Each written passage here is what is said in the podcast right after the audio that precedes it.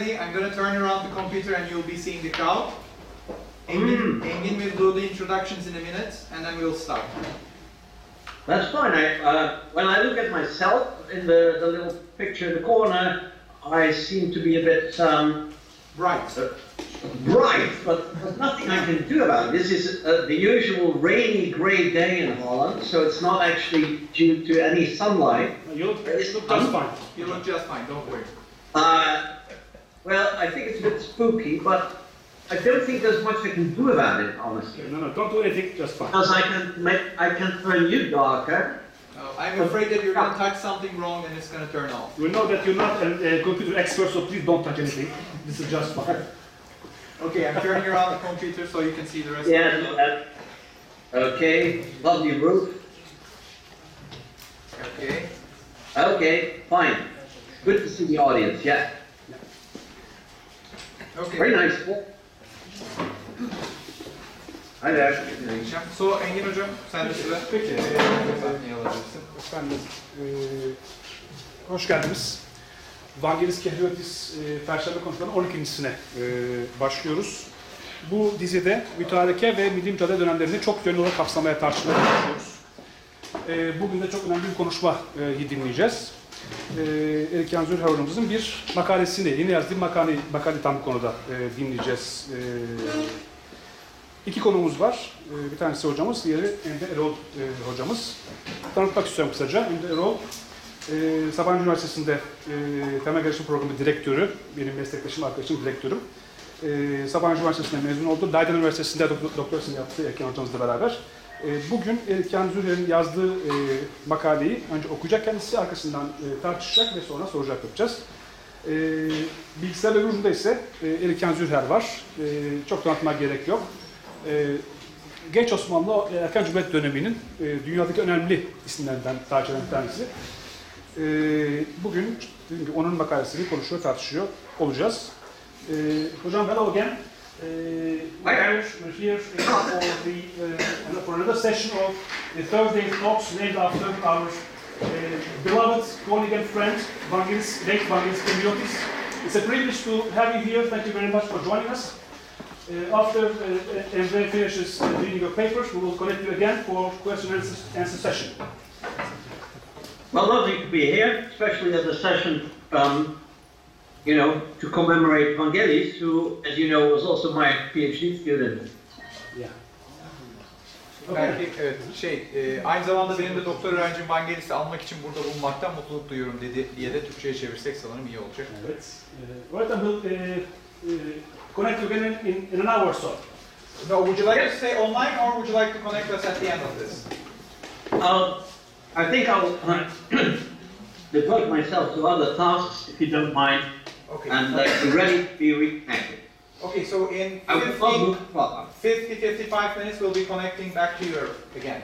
Excellent. Okay, and I will I will pretend to read your arguments, so anything that I read will be attached to you. So Okay, okay, I trust you.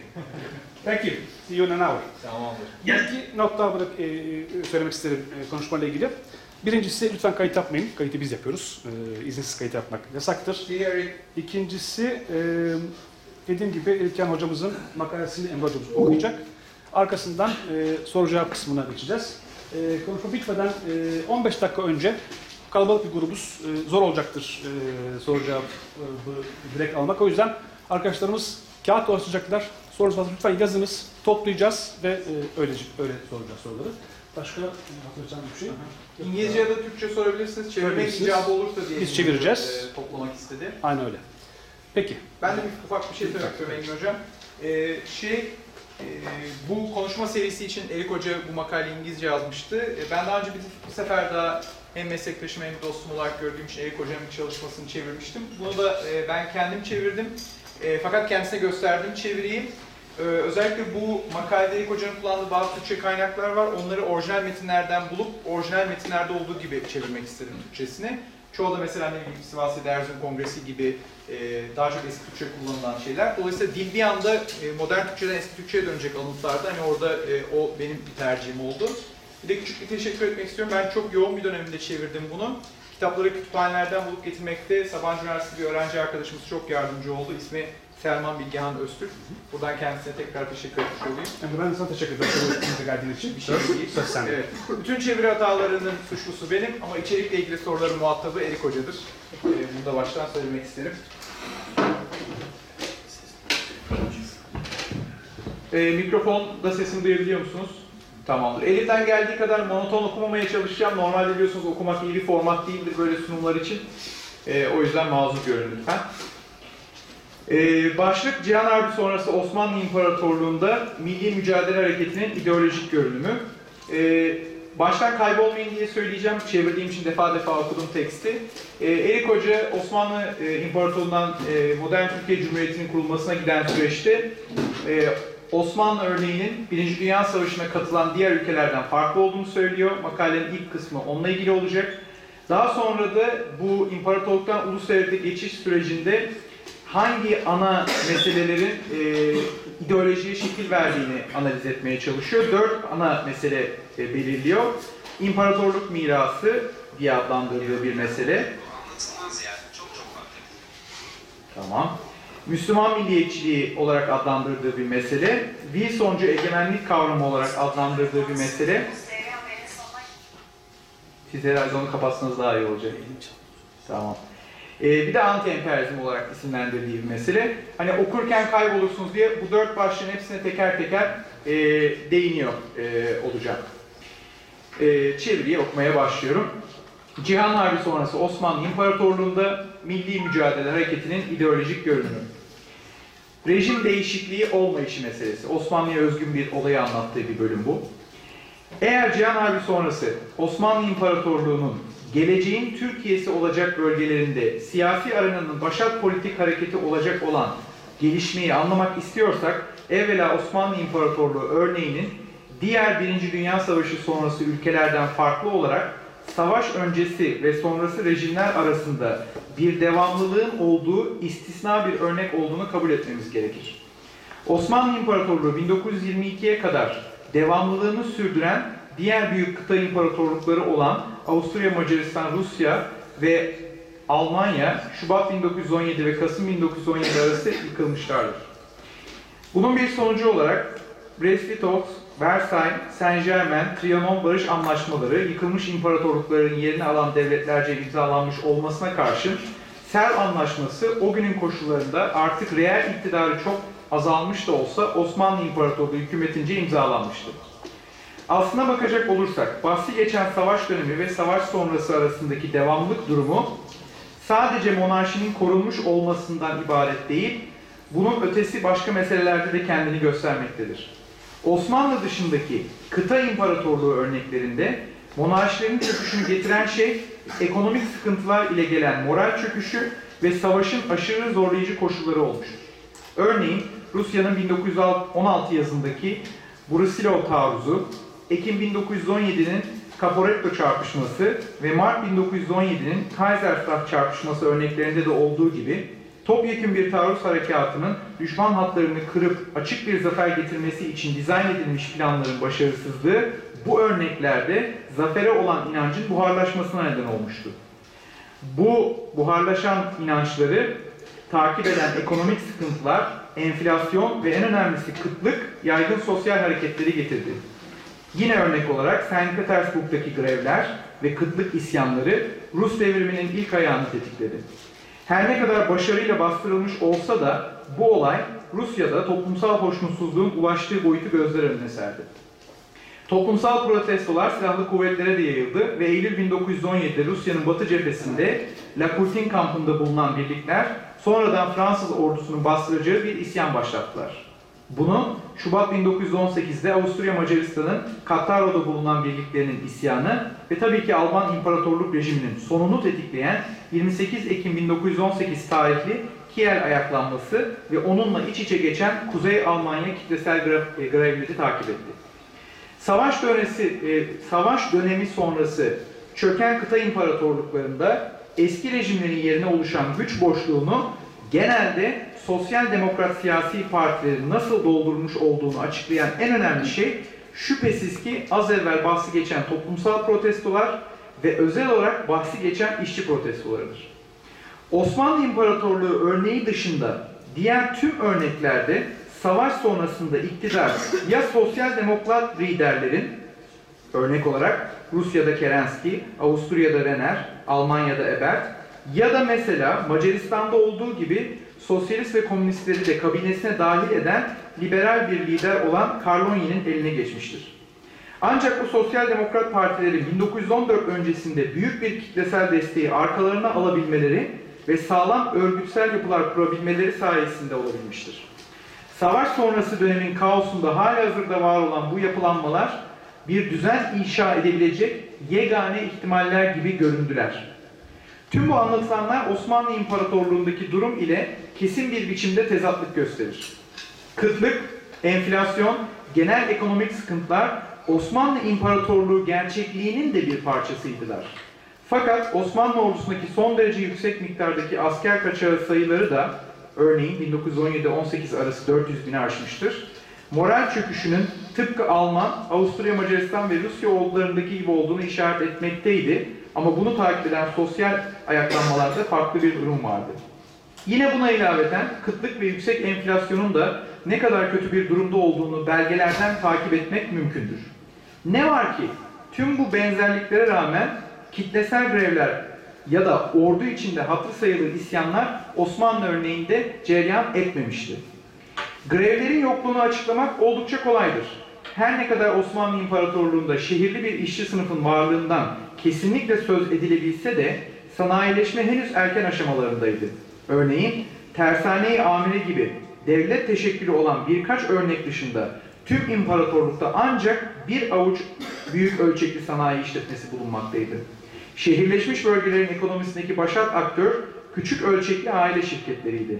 Bunun bir sonucu olarak imparatorluk içerisindeki sosyal hareketler son derece zayıftı. Yıl 1918 olduğunda imparatorluk genelindeki en kuvvetli sosyalist parti Ermeni Devrimci Federasyonu yani Daşnakstyun'du ve o da 1915'teki Ermeni soykırımının etkilerinden kurtulamamıştı. Ayaklanmaların olmayışının nedenleri ise Osmanlı ordusunun sanayileşmiş ekonomilere özgün herhangi bir grev örgütlenmesine aşina olmayan köklü kesimlerinden oluşması ile ilişkili olabilir. Dolayısıyla Ekim 1918'de herhangi bir sosyal demokrat hareketin ya da sosyalist muhalefetin işçi aktivizmini arkasına alarak iktidarı devralması Osmanlı örneğinde söz konusu değildi. Bunun bir sonucu olarak savaşı yöneten rejim iktidarını peyderpey ve kısmen devretti. Bu durum imparatorluğun başkenti dışında vuku bulmadı ve rejim o alanlarda iktidarını hiçbir zaman kaybetmedi. Osmanlı İmparatorluğu'nun savaş sırasındaki hükümeti Ocak 1913'te bir darbeyle iktidar olan İttihat ve Terakki Partisi üyelerinden oluşmaktaydı. Sıkı yönetim koşullarında gerçekleşen 1914 seçimleri her ne kadar iddiaçılara parlamentoda mutlak çoğunluğu getirdiyse de imparatorluk genelinde dizayn edilenden sonra edildikten sonra parlamento tarafından onaylanan geçici kanunlar aracılığıyla yönetilmiş bir gerçeklik vardı. Dolayısıyla nereden bakılırsa bakılsın savaş dönemi Osmanlı İmparatorluğu ordunun başındaki Enver Paşa ve Talat Bey'in 1917'den sonra Talat Paşa yönettiği İTC Merkez Komitesi'nin iktidarlı, iktidarını paylaştığı bir tek parti devletiydi. Bulgar ordusunun Makedonya'daki yenilgisi ve 29 Eylül'de ateşkes için masaya oturmaya zorlanması İTC liderlerini savaşın kaybedilmiş olduğuna ikna etmişti. İddiaçı kabine 8 Ekim'de istifa etti. Yeni bir kabine bir hafta sonra Mareşal Ahmet İzzet Furgaç Paşa tarafından kuruldu. Soyadları sonradan oldu diyorsunuz ama ben gene de ekledim. Ahmet İzzet bir iddiaçı değildi fakat iddiaçıların güvendiği yüksek saygınlık ve vatanseverliğe sahip profesyonel bir asker olarak görülüyordu ve kabinesinde birkaç iddiaçıda bulunmaktaydı. 31 Ekim'de imzalanan Mondros Ateşkesi bu kabinenin temsilcileri tarafından imzalanmıştır. İttihat ve Terakki Partisi 5 Kasım tarihli parti kongresinde kendisini resmi olarak feshetmiş fakat daha sonra 9 Kasım tarihinde yani aralarında Enver Ferhat'ın da bulunduğu savaş döneminde önde gelen bazı iddiaçıların bir Alman denizaltısı ile ülkeyi terk ettikleri gün Teceddüt Fırkası adı ile yeniden kurulmuştur. Osmanlı Sultanı iddiaçıların ülkeden kaçışını takiben 11 Kasım tarihinde Ahmet İzzet Paşa kabinesini partizan olmayan ve yaşlı bir diplomat olan Ahmet Tevfik Paşa'nın liderlik edeceği yeni bir kabineyle değiştirmiştir. Bu kabinenin ömrü ise 4 Mart tarihine kadar sürebilmiş ve akabinde sultanın ana bir kız kardeşiyle evli olan damat Ferit Paşa'nın liderlik edeceği liberal kabine kurulmuştur. Buradaki liberal kelimesi açıklanmaya muhtaçtır. Ocak 1913'te İttihatçılar iktidarı ele geçirmeden önceki yıllarda en geniş anlamıyla Jön Türk hareketi içerisinde kalan ve kendilerini İTC'nin karşısında konumlandıran, başka pek de bir ortak yanı olmayan rakip fraksiyonlar bir araya gelerek Fransızcadaki adıyla Entente Liberal olan Hürriyet ve İtiraf Partisi'ni kurdular. Bu oluşumun ideolojik bir ortak paydası yoktu. Ama üyeleri İTC'ye göre genel olarak daha az merkeziyetçi, daha az devletçi ve daha az milliyetçiydiler. 1913'teki darbeden sonra bu siyasi oluşum bastırıldı ve liderlerinin ekseriyeti sürgüne gittiler. İşte bu liberaller Cihan Harbi sonrası dönemde sarayın da desteği ile ülkeyi yöneten hükümet oldular. Fakat bu onların yönettikleri ülkeyi kontrol edebildikleri anlamına gelmez. İddiaçıların aksine liberallerin ne taşra örgütlenmesi vardı ne de geniş kitleleri arkasına alan bir taban hareketi olabilmişlerdi. Öte yandan iddiaçılar 5 yıl süren iddiaçı diktatörlük ve peşi sıra gelen 4 yıllık savaş döneminde hem bürokrasiye hem de ordudaki subaylar ağına nüfuz edebilmişler ve aynı zamanda büyük şehirlerdeki iş ve meslek örgütleriyle özel bağlar kur- kurmuşlardı.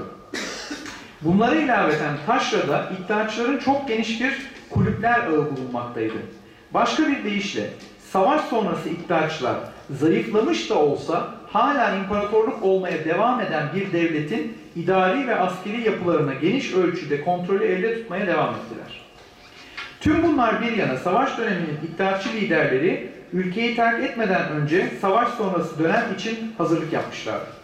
Kasım 1918 gibi erken bir tarihte ülkenin yabancı bir yönetim idaresine verilme tehlikesi olduğunu düşünen, düşünülen özür dilerim. Ee, Kasım 1918 gibi erken bir tarihte ülkenin yabancı bir yönetimin idaresine verilme tehlikesi olduğu düşünülen yerlerinde müdafaa hukuk cemiyetleri örgütlenmişti.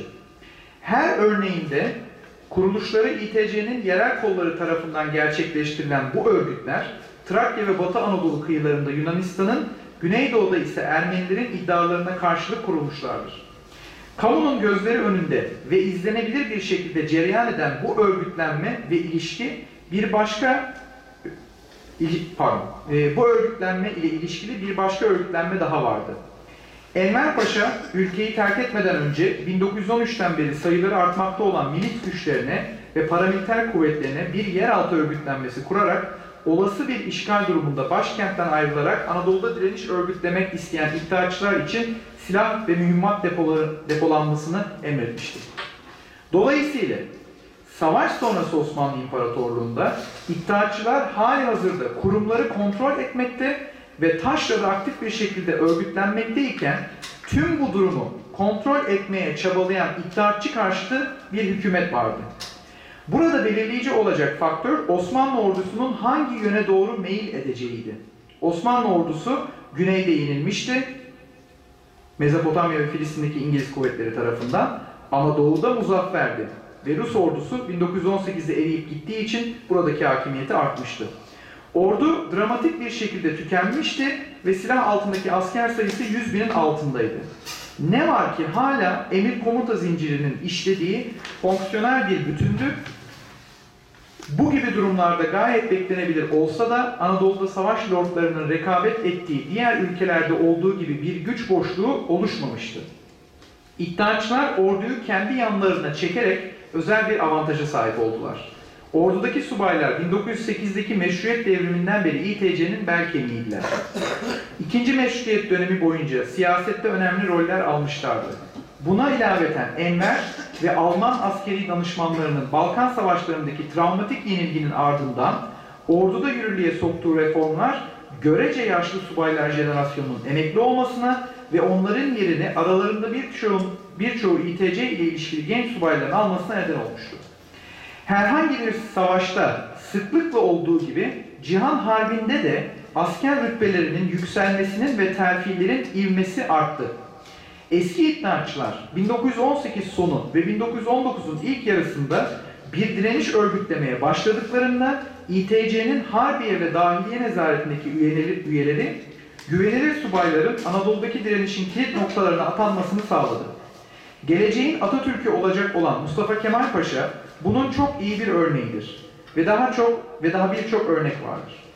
İttihatçılar başkentteki temsilcileri vasıtasıyla Mustafa Kemal'e ulaşmış ve kendisinin direnişin önderi olup olmama konusundaki niyetini sormuştur.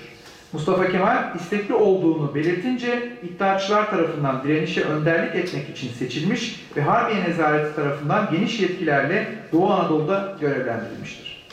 Toparlamak gerekirse, savaş sonrası Osmanlı İmparatorluğu'ndaki durum Avrupa'nın diğer yenilmiş kıta imparatorluklarından farklıydı.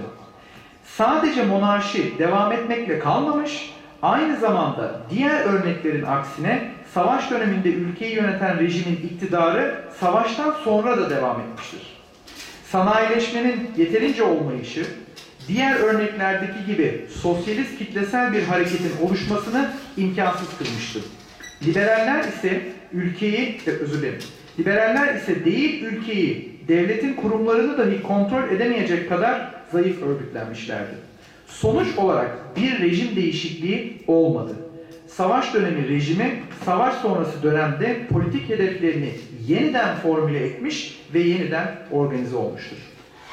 Bunu bitirdikten sonra direniş hareketinin ideolojisini ve programını analiz ettiği kısma geçiyor. Direniş hareketinin programı. İttihatçılar ordu ve milis güçlerinin de desteğini alarak Osmanlıların çıkarlarını gözetmeyen savaş sonrası antlaşmalara karşı bir direniş organize etmeye karar verdiler. Bu direnişlerinin tercih edilen aracı kongrelerdi. Bu kongreler yapıldıkları bölgelerde çoğunluğu temsil etme iddiasındalardı ve o çoğunluk adına konuşmaktaydılar. Gerçekte ise pekala 19 ve 20. yüzyıllarda Balkanlarda görülen örneklerinden ilham almış olabilecek bu kongreler temsiliyet iddiası, kongrelerin temsiliyet iddiası sorgulanabilecek nitelikte ekseriyetle iddiatçı yerel örgütlenmeler ve onların yanına çektiği yerel elitler ile önde gelen din adamlarından oluşmaktaydı. Aralık 1918 ile Kasım 1920 arasında 28 bölgesel kongre yapılmıştı ve Eylül 1919'dan itibaren bu yerel organizasyonlar Anadolu ve Rumeli Müdafaa-i Hukuk Milliye Cemiyeti adı ile ülke çapında bir organizasyona dönüştü. Bölgesel cemiyetlerin ve bir bütün olarak milli temsili hedefleyen cemiyetlerin demeçleri, programları ve bildirileri ayrı ayrı incelendiğinde sadece hedefler değil, hangi düşünce kalıplarının karar alıcı etkisi olduğu da açıkça ortaya çıkmaktadır. Bu noktada dört farklı etkiden bahsetmek mümkündür. İdeolojik etkisi nedir dediği dört temel şeyden bahsediyor. Birinci etki imparatorluk mirası, ikinci etki Müslüman milliyetçiliği, üçüncü etki Wilsoncu egemenlik kavramı, dördüncü etki anti-emperyalizm. Tabii olarak yukarıda etkilerin, yukarıdaki etkilerin her biri her daim eşit derecede önemli olmamıştır. Hatırlanmalıdır ki hem bölgesel hem de ulusallaşacak olan direniş hareketleri aynı anda hem içeride hem de dışarıda farklı grupları ikna etmek mecburiyetindeydiler. Yani hem bir ulusal dinleyici hem bir uluslararası dinleyici kitlesi var anlamında. Bir tarafta uluslararası cemiyetin bakışı ve daha özelinde Paris Barış Konferansı'na katılmış diplomatlar, diğer tarafta ise savaştan yılmış ve mobilize edilerek direnmesi beklenen bir halk vardı. Zaman zaman bu iki farklı grubu ikna için kullanılan argümanlar birbirinden farklı yahut çelişkili olabilmişlerdir. Birinci özellik, birinci referans noktası e, imparatorluk mirası. Savaş sonrası antlaşmalara karşı direnişi organize eden iddiaçların zihninde nasıl bir siyasi yapının parçası olmak istediklerine dair hiçbir şüphe yoktu. Bu daha önceden de olduğu gibi Osmanlı İmparatorluğu'ydu. Farklı bölgesel direniş cemiyetlerinin bildirileri bunu açıkça ortaya koymaktadır. Bu tarz bir bildirinin bilinen ilk örneği kapsadığı etkinlik alanı imparatorluğun Avrupa'daki toprakları olan Trakya Paşaeli Müdafaa-i Hukuk Milliye Cemiyeti'ne aittir. Bildiri 7 Aralık 1918'de gazetelerde yayınlanmıştır ve ilk maddesi şöyledir. Trakya'nın Osmanlı padişahlığındaki rabıta ve tamamiyeti mülkiyesinin temenni maksadı ile Trakya Paşaeli Müdafaa Heyeti Osmaniyesi namında bir cemiyet teşkil edilmiştir. Bundan 8 ay sonra bu sefer Yunanistan'a verilme tehlikesi olan Batı Anadolu'nun Alaşehir bölgesine düzenlenen bir kongrede bir araya gelen oluşum 20 Ağustos 1919 tarihli bildirisinde kendisini şöyle tarif etmekteydi. Hakkı payı Hazreti Hilafet Penahi ve makamı saltanatı seniye, sadakati kamile ile merbut ve her türlü fırka, ihtirasat ve mesaliki saire efkarından tamamıyla tecerrüt ederek vatan tehlikesi karşısındaki birleşen kardeşlerden mürekkep kongrenin istihdaf eylediği gaye. Aynı bildirinin Osmanlı Sultanı'ndan evi müşrikimiz olarak bahset aynı bildiri Osmanlı Sultanı'ndan evi müşrikimiz olarak bahsetmekteydi. Yukarıda bahsi geçen tarzda imparatorluğun bir parçası olarak kalmanın ve tahta sadakatin altını çizen ifadeler hem yerel kongrenin hem de daha sonra Eylül 1919'da toplanacak ve ulusal direnişin birleştirici kongresi olacak olan Sivas Kongresi'nin bildirilerinde görülebilir. Anadolu ve Rumeli Müdafaa-i Hukuk-u Milliye Cemiyeti vücuda geldiği 11 Eylül tarihli kongresinde şunları bildir, e, bildirmekteydi. Camia-i Osmaniye'nin temamiyeti ve istiklal-i milliyemizin temini ve makamı muallayı hilafet ve saltanatın masumiyeti için kuvayi milliyeyi amil ve irade-i milliyeyi hakim kılmak esası kat'idir. Diğer bir deyişle kariyerlerinin o andan önceki 15 yılını Osmanlı Devleti'nin hizmetinde bürokrat ya da subay olarak geçirmiş iddiaçıların organize ettiği bu hareket daha embriyo aşamasındayken kendisini Osmanlı İmparatorluğundan kalanları muhafaza hareketi olarak tanımlamıştır. Bu çok önemli bir noktadır. Çünkü Türkiye Cumhuriyeti'nin Ekim 1923'te Ulusal Direniş Hareketi'nin içinden çıkarak vücuda gelmesi sürecinin oluşma koşulları hem Türkiye'de hem de dışarıdaki tarih yazıcılığında Cihan Harbi sırasındaki direnişin bir anlamda Cumhuriyet'in tarih öncesi gibi algılanmasına bu ise Cumhuriyet dev, Cumhuriyet'in devrimci bir hareket olarak yorumlanmasına neden olmaktadır. Halbuki durum böyle değildi. Örneğin Avusturyalı Almanlar içerisinde başat etnik grup oldukları imparatorluklarından vazgeçip onun yerine Alman kimliğini kucaklamayı ve ulusal meclislerinin Mart 1919'daki ezici çoğunluktaki kararıyla Almanya'nın parçası olmayı seçmişlerdi ama benzer bir biçimde çoğunluk olan ve kendisini millete hakim olarak gören Türkler henüz bu erken aşamada imparatorluktan vazgeçmiş değillerdi. Burada tartışmaya açık bir nokta vardır. Bu da imparatorluk ve tahttan yana olan bu tavrın ne kadarının hilafete sadakatin hala çok derin ve kuvvetli olduğu muhafazakar bir nüfusu mobilize etmek için ne kadarının ise iddiaçı milliyetçi liderler kadrosunun bilinçli bir tercih olmaktan kaynaklandığı meselesidir. Mustafa Kemal daha sonra ikincisinin yani ikna için bilinçli bir tercihin esas sebep olduğunu söyleyecektir. Fakat elde henüz bu iddiaların altını dolduracak yeterli bir kanıt yoktur. Müslüman milliyetçiliği referansı, Müslüman milliyetçiliği mirası bölümüne geçiyorum. Bir taraftan imparatorluğa sadakatin altını çizen direniş hareketi dökümanlarında millet kavramına da oldukça atıf yapmaktadır. Peki o halde tahayyül edilen bu millet kimlerden oluşmaktaydı? Direnişin başlangıcında yapılan bölgesel kongrelerin kendilerine verdikleri isimler, program, döküman ve bildirileri bize bu konuda ipuçları vermektedir. Örneğin o dönemde Güneydoğu'da tekrar Osmanlı kontrolüne henüz girmiş olan Kars'ta 5 Kasım'da vücuda gelen organizasyon kendisini Kars Milli İslam Şurası olarak adlandırmıştı. Oluşma amacının Kafkaslarda yaşayan Müslüman nüfusun bölünmesini engellemek olduğunu ilan etti. Doğuda ortaya çıkacak en önemli organizasyon Haziran 1919'da 1908 devriminin 11. yıl dönümünde açılışı yapılacak olan ve kendi kongresini yaparak tüm doğuyu temsil ettiği iddia temsil ettiğini iddia eden Vilayet-i Şarkiye Müdafaa Hukuk Cemiyeti toplantısıdır. Cemiyetin tanımlayıcı metnindeki ilk madde hedefini şu şekilde tamamlamaktadır, tanımlamaktadır. Müslüman nüfusun tarihi ve milli haklarını savunmak. Cemiyet toplumun tüm Müslüman unsurlarını temsil ettiğini ve tüm Müslüman vatandaşları cemiyetin doğal üyeleri olarak gördüklerini söylemekteydi. Bir başka örnek olarak daha evvel bahsi geçen Alaşehir Kongresi'nde dinleyici kitlesine sevgili Türk ve Müslüman vatandaşlarımız şeklinde hitap edilmekteydi ve şöyle devam edilmişti. Türk ve Müslüman olan memleketimiz ve fedakar dinimizin kanları ile muammer mukaddes topraklarımızda alıntının sonu. Sivas'ta gerçekleşen ilk ulusal kongrede millet ve milli kavramları diğer örneklerdeki gibi yine temel kavramları teşkil etmekteydi.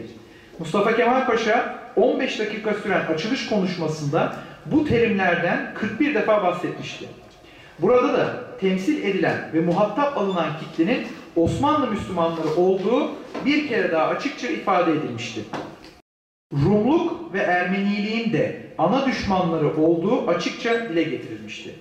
Burada atıfta bulunan Yunan ve Ermeni milli hareketlerinin Osmanlı toprakları üzerindeki iddialarıydı. Bahsi geçen düşünme kalıpları Cihan Harbi sonrasındaki direniş hareketinin tabiatını anlamada temel bir rol oynar.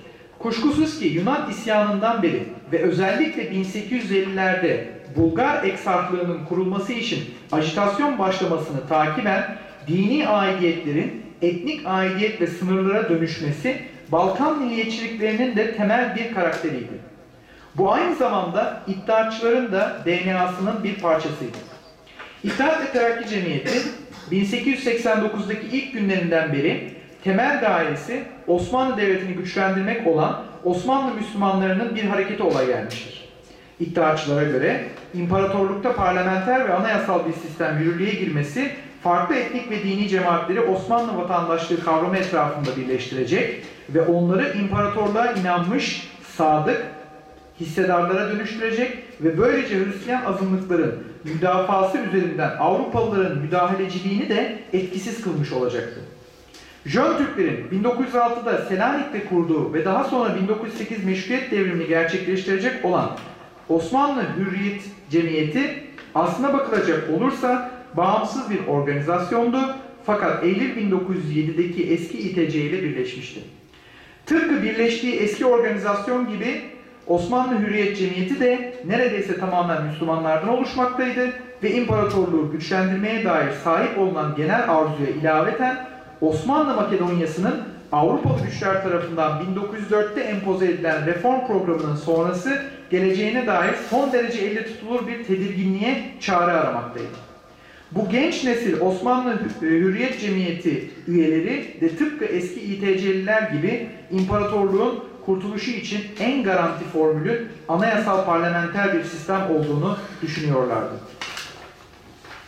İTC'nin bu umutlarına son veren şey Hristiyan Balkan devletlerinin oluşturduğu koalisyonun ani bir taarruz ile Osmanlıların Avrupa'daki neredeyse tüm varlığının son bulduğu 1912-13 Balkan Savaşı'dır.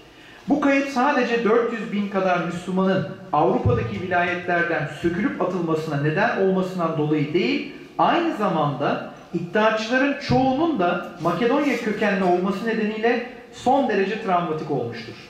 Bunun neticesinde 1912'den itibaren kuvvetli bir Hristiyan karşıtlığı barındıran bir Müslüman milliyetçiliği oluşmuştur.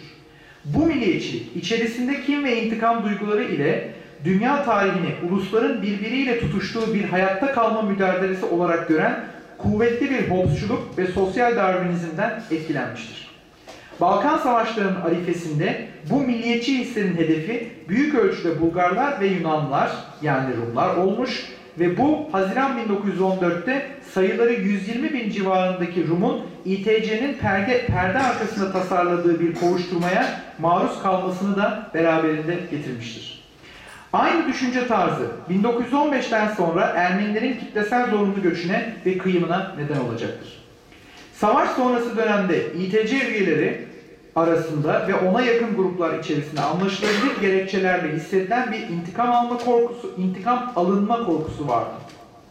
İtiraf devletleri Mayıs 1915'e kadar Mayıs 1915 kadar erken bir tarihte Ermeni kıyımlarında sorumluluğu olanlara tehcir ve cinayetlerin faillerinin cezalandıracağını söylemişti.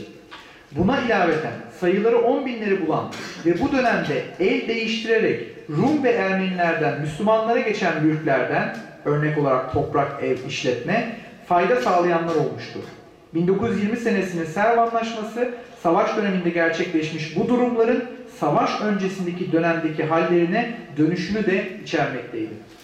Bahsi geçen fiillerin failleri ve kişisel çıkar elde edenlerin ötesinde ne olup bittiğinden haberdar olan geniş bir insan kitlesi de bulunmaktaydı. Bunun bir neticesi olarak 1918'de biz tırnak içinde ve öteki tırnak içinde tanımlarının toplumdaki pratik karşılığı neredeyse tamamen dini kimlik üzerine oturmuş ve böylece dini kimlikler etnik sınırların temel belirleyicisi olmuşlardır. Mustafa Kemal bahsi geçen bu bakış açısını dolaylı yoldan onaylamıştır. Ankara'ya Aralık 1919'da geldiğinde verdiği ilk konuşmada ulusu sadece Osmanlı Müslümanlarından oluşan bir grup olarak anladığını biz tırnak içinde ve aramızda yaşayan gayrimüslim ana asır tırnak kapanıyor diyerek ve milletin gayrimüslimlerle İstanbul'un fethinden beri her hakkı verdiğinin altını çizmesinden anlıyoruz. Rumlar ve Ermeniler üzerine bu dönemde üretilen söylemlerde birbiriyle iç içe geçmiş bir takım temaların düzenli olarak karşımıza çıktığını görmekteyiz. Geçmişte Müslümanlar ile harmoni içerisinde yaşadılar ama dış güçlerin özellikle de Britanya'nın kendilerini hainlere dönüştürmesine izin verdiler. Bu söylemi sıklıkla görmekteyiz. Örneğin 1919'un konjektüründe gayrimüslimler özellikle de doğuda Ermeni Cumhuriyeti e, tarihi örneğinde ve Pontus'ta 1919-20 arası cereyan eden şiddetli ve acımasız milis güçleri arası çatışmaları nedeniyle masum Müslümanlara saldırılar, saldırılar düzenleyen mütecaviz kimseler olarak görülmekteydiler. Bir su içeceğim müsaadenizle.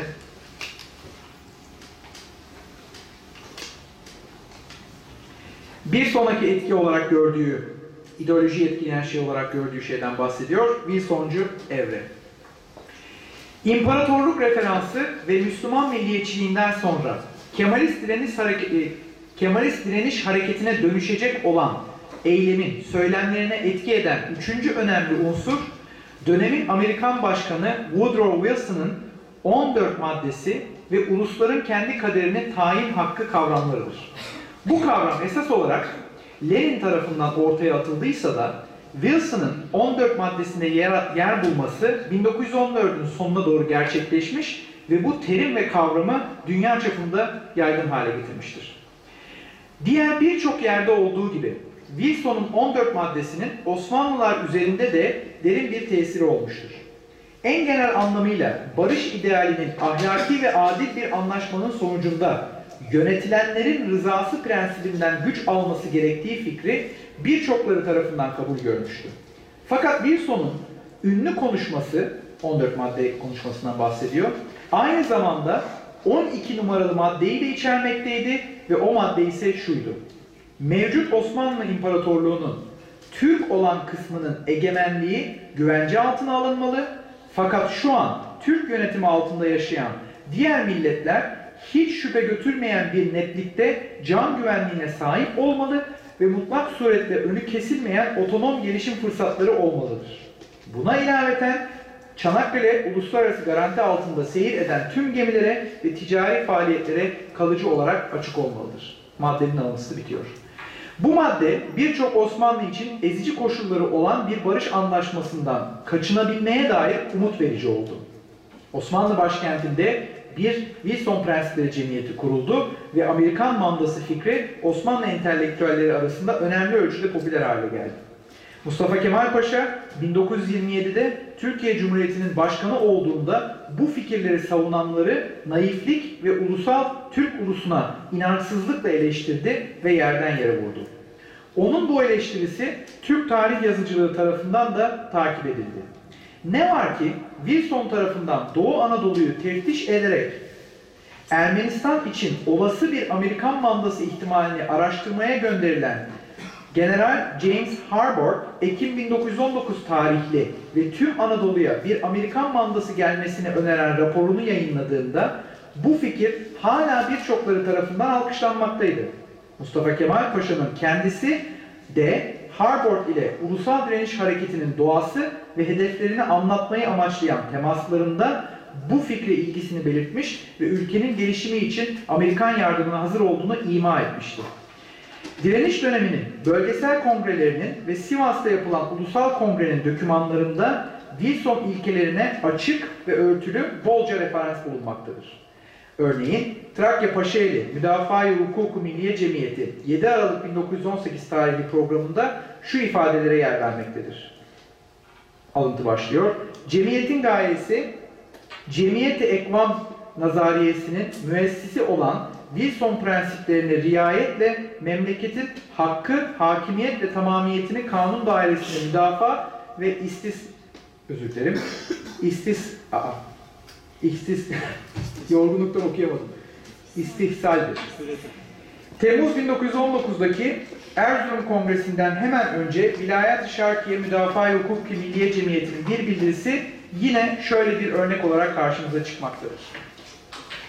Atlantik'in öte yanından yükselen gerçeğin sesi bu topraklarda Türklerden başka hiçbir ulusun hakimiyetine izin vermeyecektir. Ve son olarak Eylül ayında Sivas'ta gerçekleşen ulusal kongrede Wilson maddelerine atıf yapılmıştı. O kongrenin bildirisindeki 8 numaralı maddeye göre milletlerin kendi mukadderatını bizzat tayin ettiği bu tarihi devirde hükümeti merkeziyemizin de idare-i milliyeye tabi olması zaruridir. Pek tabii ki bu cemiyetler ve kongrelerde yapılan milli irade yahut çoğunluğun iradesini temsil iddiaları aynı zamanda Müslümanların ve daha ziyade Türklerin bahsi geçen bölgelerde çoğunluk olduğu iddiasını da beraberinde getirdi. Ne de olsa Wilson'un 12. maddesi imparatorluğun Türk olan kısmını, kısmından bahsetmekteydi. Fakat bu iddiaların sadece o an değil, Müslümanların ve Türklerin geçmişten bugüne kadar her daim çoğunluğu oluşturduğu iddiası ile güçlendirilmesi gerekiyordu. Çünkü Yunan ve Ermeniler haklı olarak tartışmalı, tartışmalı bölgelerdeki soydaşlarının nüfuzlarının savaştan önce, savaştan sonrasına göre çok daha fazla olduğu karşı iddiasındaydılar. Bu nedenle Müslüman ve Türklerin her daim çoğunluk olduğu iddiası hiç şüphesiz tüm kongrelerde yapılmış ve altı çizilmiştir. Kemalist milliyetçiler Wilson'un ulusların kendi kaderini tayin prensibinin halklara değil uluslara mahsus olduğunu pekala bilincindeydiler. Dolayısıyla kendi kendini yönetebilen bir ulus yahut tırnak içerisinde A sınıfı bir manda olarak muhatap alınmanın uzun bir devlet ve hükümet geleneğine sahip olmayı gerektirdiğinin farkındaydılar. Tam da bu nedenle Erzurum Kongresi'nin sonuç bildirgeleri ve Mustafa Kemal'in General Harbor'da yolladığı memorandum Osmanlı'nın uzun ve saygın devlet geleneğine atıflar yapmaktaydı. Örneğin şu ifadeye bakılabilir. Türk halkı bu topraklarda bin yılı aşkın bir varlığa sahiptir. Bu olgunun ispatı geçmişten günümüze varlığını sürdüren sayısız yadigarlardır. Osmanlı Devleti'ne gelecek olursak 700 yıllık şanlı bir geçmişi ve tarihi vardır. Bizler iktidar ve ihtişamı Asya, Avrupa ve Afrika olmak üzere üç kıtada kabul görmüş bir halkız. Askerlerimiz ve tüccarlarımız okyanuslar aşmış ve bayrağımızı Hindistan kadar uzaklara taşımıştır. Bir zamanlar dünya çapında elde ettiğimiz gücümüz kapasitemizin ispatıdır. Eylül 1919 tarihli Sivas Kongresi'nin programı Ocak 1920'de son Osmanlı Meclisi tarafından Misak-ı Milli adı, adıyla kabul edildikten sonra Ulusal Direniş Hareketi için temel bir metin haline gelmiştir. Milliyetçiler bu metinde ateşkes sınırları içerisinde kalan ve Müslüman bir çoğunluğun yaşadığı ki bu onlara göre kendileri demekti, Osmanlı topraklarının bağımsız ve bölünmeden var olması iddiasını öne sürdüler ve aynı zamanda işgal altındaki Arap topraklarında da Wilson prensiplerinin kendi kaderini tayin hakkını açık bir atıfla referandum çağrısı yaptılar. Burada Sivas Kongresi kararları ve Misak-ı Milli üzerine iki önemli noktada durmak gerekir. İlki bu metinlerin açık bir şekilde doğudaki Kürt varlığını tanıdığı fakat Türkler ve Kürtleri ortak tarihsel ve kültürel bağları ve ortak hedeflerinden ötürü aynı milletin ortak bir parçası olarak gördüğü meselesidir. İkinci nokta ise ulusal direniş hareketinin Müslüman çoğunluğun bağımsızlığı yönünde hem ateşkes hattı içinde hem de dışında iddialarda bulunması ve fakat ateşkesin kendisine yahut çizdiği mevcut e, sınırların meşruiyetine itiraz etmeyiştir. Yani ateşkesin Osmanlı tarafındaki temsilcisi dönemin e, donanmasında görevli Hüseyin Rauf Olbay'dır ve Rauf Mustafa Kemal'in Türk siyasetinde 1924'ten sonraki en önemli rakiplerinden biridir. Bu nedenledir ki Raif Orbay'ın Mondros Ateşkesi'ndeki rolü Mustafa Kemal'in 1927 yılında geriye dönük bir muhasebe yaptığı nutkunda bir ihanet olarak anlatılmıştır. Türk tarih yazıcılığı bu bakışın izinden gelmiş ve Mondros Ateşkesi'ni savaş sonrası dönemin en dip noktası olarak yorumlarken 1922'de ulusal direnişin zaferini mühürleyen Mudanya Ateşkesi'ni onun tam tersi şeklinde olumlamıştır. Ne var ki 1919 yılının belgeleri o dönemde hislerin bu şekilde olmadığını göstermektedir. Kemalistler Mondros Ateşkesi'ni kabul etmiş ve ateşkes sınırlarını programlarının temeli olarak almışlardı. Bu ise toplumda rahatlama yaratan bir karşılık bulmuştu. Direniş hareketinin hiddetini alevlendiren ateşkes anlaşmasının kendisi değil, bilakis Britanya'nın ateşkesi ihlal edişiydi. İskenderun ve Musul'un işgalleri ve pek tabii ki Yunanistan'ın İzmir işgaline izin verilmesi bunun en belirgin örnekleridir. Bir diğer etki olan anti-emperyalizm meselesi. Bizim bir 10-15 dakika kaldı konuşma bittisi arkadaşlar. E, Zaten az kaldı be. dağıtıldı. E, Erik Yalçın'a sorunuz varsa lütfen kağıtlara yazınız. Arkadaşlarımız gelecekler, toplayacaklar ve e, bitince konuşma yöneteceğiz. Pardon. Anti-emperyalizmin etkisi. Kemalistlerin Cihan Harbi sonrası ürettiği dokümanların en azından bir kısmında imparatorluk mirası, Müslüman milliyetçiliği ve Wilsoncu kendi kaderini tayin gibi önemli bir rol, rol oynayan son bir unsur daha vardır ve bu unsur anti-emperyalizmdir. Türk Ulusal Direniş Hareketi'nin bu ideolojik çevresi büyük ölçüde Bolşevik etkisinin bir ürünüdür. Savaş sonrası dönemin, dönemde Bolşevikler ve İttihatçılar arasındaki ilk temas Enver Paşa kendi ilk temas Enver Paşa kendi, Enver Paşa'nın kendi kararıyla gittiği Berlin sürgünü sırasında e, ve onun aracılığıyla gerçekleşti. Bu temas o dönem Alman sağı çevrelerinin özel olarak da Truppenamt'ın yeni başkanı Enver Paşa'nın 1917-18 arasında Osmanlı Gençkurmay e, birinci başkanı olan General Fonseca ve onun eski arkadaşı o dönem kömür ve çelik piyasasının önde gelen ismi Hugo Stins için çalışan Hans Huma'nın emriyle gerçekleşti. Enver o dönem Berlin'de hapsedilmiş bulunan Karl Radek ile temasa geçti. Radek, iddiaçıların Müslüman dünyasında anti-emperyalist bir mücadeleyi desteklemeyi kabul etmesi suretiyle bir işbirliği teklifinde bulundu.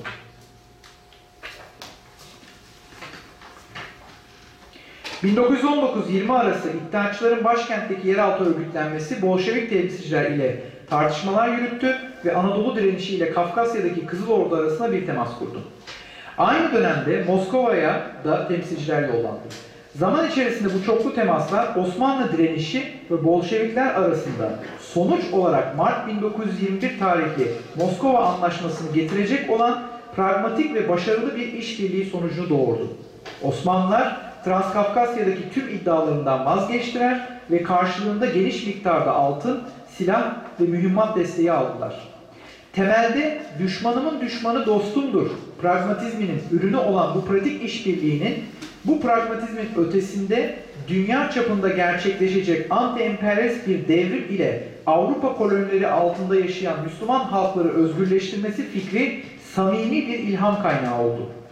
Direniş hareketinin bu ilhamı yaşayan sol kanadı 1920-21 yılları arasında ülkenin henüz işgal altında olmayan yerlerinde hakimiyetin tahsisi sürerken kendisini birkaç defa gösterdi. Bolşeviklerin desteğiyle Eylül 1920'de gerçekleşen Doğu Bakü Halkları Kongresi'nde Kuzey Afrika devrimci Müslümanlarını temsil etmek suretiyle bulunan Enver, kongrenin hemen ardından Mesai isimli bir siyasi program yayınladı. Bu programın muhtemel hedef kitlesi Anadolu'daki direniş hareketinin içindeki sol kanattı. Her ne kadar sınıf temelli Marksist bir tarih analizini benimsemiş de olsa bu metin İslamcı, sosyalist ve korporatist fikirlerin bir karışımıydı ve komünizmin sanayileşmemiş Asya toplumları için bir çözüm olma ihtimalini reddediyordu. Enver, ulusal direniş hareketi içerisinde sol kanat bir akımın olduğunu biliyordu çünkü bunun liderleriyle temas halindeydi. İlk defa Mayıs 1920'de Yeşil Ordu daha sonra da Temmuz'da Halk Zümresi olarak organize oldular. Bu oluşumlarda direnişin temsilci organı olan Ankara'daki Büyük Millet Meclisi'nin üyeleri bu- bulunuyordu. Mecliste özellikle de başkent İstanbul'un Britanya tarafından işgalinin ardından Anadolu'nun yönetimi meselesinin üzerine süren Teşkilat-ı Esasiye Kanunu tartışmaları sırasında bu solcu üyeler çok radikal demokratik yapıların oluşması ve geniş erimli sosyal reformları öneren fikirleri öne sürdüler. Mustafa Kemal halk zümresini temelde Enver Paşa ve Bolşeviklere olan bağları nedeniyle kayda değer bir tehdit olarak algıladığı için oluşumun liderlerini resmen onaylanmış bir Türkiye Komünist Partisi'ne katılmaya teşvik etti. Bu yeni partiyi sıkı bir kontrol altında tutmak için ordudan güvendiği destekçilerinin de partiye katılmasını sağladı. Gerçek solcular bu oluşumun altında yatan niyeti gördüler ve samimi olmayan bu oluşuma katılmak yerine Türkiye Halk İştirak Gün Partisi ismiyle yeni bir parti kurdular. Yunan ordusunun direnişine karşı bir taarruz hazırlığına girilmesiyle beraber Mustafa Kemal Bolşeviklerle olan tüm ilişkileri yalnız kendisinin kontrol ettiğinden emin olma ihtiyacı duydu ve bu doğrultuda Ocak 1921'de Türkiye Halk İştirak Gün Partisi kapatıldı. Liderlerinin bir kısmı yargılandı ve ülkeye Bakü üzerinden giren bir Türk Bolşevikleri delegesi geri yollandı. Bu delegasyon daha sonra Mustafa Kemal'in adamları tarafından denizde boğduruldular. Sol'un bu dönemdeki son çabaları yine Enver Paşa figürü etrafında cereyan etti. Bakü'deki kongreden sonra Berlin'e dönmüştü ve burada İslam Cemiyetleri İttihadı'nı kurdu. Örgüt temelde o dönem Almanya'da bulunan eski Osmanlılardan oluşmaktaydı ve Türkiye kolunun adı Halk Şuraları Fırkası'ydı. Enver, Temmuz'dan Eylül'e kadar Anadolu'ya gelmek ve direniş hareketinin başına geçmek fırsatını kollamak amacıyla Batum'un Türkiye sınırına yakın yerlerinde kaldı. Oluşum 5-8 Eylül arasında Batum'da bir kongre gerçekleştirdi ama bu kongrede Halk Şuraları Fırkası adı yerine yeniden hayat verilmiş İttihat ve Terakki adı kullanıldı. Ne var ki kongrede parti programı olarak Sovyet Partisi'nin programı benimsenmemiştir. Enver direnişin başına geçmek için aradığı büyük fırsatı hiçbir zaman bulamadı. Mustafa Kemal Paşa'nın askerleri Eylül 1921'de Yunan işgal kuvvetlerini yenilgiye uğrattılar ve bu noktadan sonra Mustafa Kemal'in liderlik iddiası pekişmiş oldu. Mustafa Kemal bir taraftan Bolşeviklere son derece iyi ilişkiler sürdürürken aynı anda Anadolu Direniş Hareketi içindeki sol tandansı tüm fraksiyonları bastırdı. Yine de bu özet göstermektedir ki kabaca 1920 yılı süresince Bolşevik devriminden ilham alan kendi kongreleri, gazeteleri ve parti programlarını çıkaran aktif bir sol kanadın kısa ömürlü siyasi partiler kurduğu bir dönem yaşanmıştır. Büyük ölçüde Rusya ve Transkafkasya'da faaliyet gösteren bir avuç tırnak içerisinde gerçek Türk Bolşeviki dışarıda bu gruplar özünde komünizm yahut sosyalizm fikirlerini çekici bulmamışlardı. O dönemden elde kalan 3 siyasi parti programı da göstermektedir ki bu gruplar için kapitalizm ve emperyalizm karşıtlığı ile toplumsal eşitlik kavramları çekici gelmişti. Bir başka örnek vermek gerekirse evvela Halk Şura- Şuraları Fırkası'nın programının 4 numaralı maddesine bakılabilir. Bu madde şundan bahsetmektedir. Beşeriyetin yek diğerini manasız ve visut bir surette parçalamasından ibaret olan ve kuvvet iktidarın galebesinden başka bir manayı ifade etmeyen muharebeden sureti katiyede mücanebet ve muharebenin herhangi bir taraftan zuhur ve icrayı tahribat etmesine mani olunacak surette safi mesai etmekle beraber beşeriyeti tufeyli hayattan kurtarmak ve bağımsız bu tufeyli hayatın tevlid ettiği emperyalizm belasını bütün cihandan kaldırmak maksadıyla ilan olunan mesai herhangi bir tarafta zuhur ederse etsin bila kaygı şart bu mesaiye zahir olmak fırkanın siyaseti harbiye ve hariciyedeki maksat ve gayesini teşkil eder. Yine aynı programdaki 5. madde kapitalizm bugünkü bünye-i içtimaiye ve şeriatı istisaliye itibariyle hastayı tanzimiyesi tamamen kaybettikten başka zeka ve irfanı beşeri öldürecek ve kapitalizmin menfaatinden istifade temin eden mahdut bir sınıf halkın istifadesi için beşeriyeti ila nihaye mahkum esaret edecek ifadelerini kullanmaktaydı. Yine bir başka örnekte aynı siyasi programın 6. maddesinde şöyle bir ifade vardı. Zümre, kapitalistlerin mahsulü tasniyatı ve emperyalistlerin vesileyi müdahalat ve tahakkümü olan duyunu hariciye ve intizayet ecnebiyeyi masum halk hesabına en haksız bir külfeti zalime addeder. Sol tandanslı parti programlarının özellikle de Halk Şuraları Fırkası'nınkilerin aynı zamanda özgün bir İslami referans kullanma tarzları da vardı. Buna göre Peygamber Muhammed ve halif, e, haleflerinin temsil ettiği İslam, adalet, birliktelik ve eşitlik anlamlarını taşımaktaydı. Halk Şuraları Fırkası programın üçüncü maddesi buna bir örnek teşkil eder. Enteresan bir biçimde yukarıda tartışılmış olan imparatorluğa sadakat meselesi Bolşeviklerden ilham alan direnişin sol kanadındaki bu hareketlerden de demeçlerinde de sirayet etmiştir. Örneğin bu sol kanadın Mesai Hareketi'nin programında, bu sol kanadın ne Mesai Hareketi'nin programında ne de Halk Şuraları programında cumhuriyetçi bir devlet düzenini savunan argümanlara rastlanmazken sultan ve halifeye açıkça destek belirtilmekte ve hatta bu konular seçimle göreve gelmiş gibi sunulmaktadır. Şahanelerinin tüm Müslümanların halifesi Türkiye Devleti'nin yöneticisidir. Kendisi Ulusal Meclis'in ve İslam Şurası'nın özel bir kanunu ile hanedan üyeleri arasından seçilmiştir gibi ifadeler mesainin programları arasında görülebilir. Emperyalizm karşıtlığı fikri pek tabii ki sadece Anadolu'daki sol kanat fraksiyonları ile sınırlı değildi. Mustafa Kemal'in General Harbor'da yazdığı uzun memorandumda görebileceğimiz üzere kendisi Britanya'nın Osmanlı İmparatorluğu politikalarının Hindistan, Mısır ve bunun gibi ülkeleri müstebit idareleri altına alma tecrübeleri üzerinden şekillendiğini iddia ediyordu.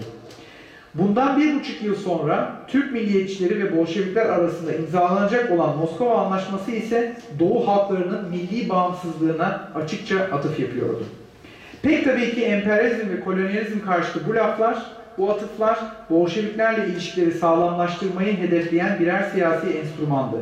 Fakat şu çok açıktır ki kolonyal imparatorlukların bir parçası olma korkusu ve bu fikrin reddi Cihan Harbi sonrası Kemalist dünya görüşünün hakiki birer birleşenleriydiler.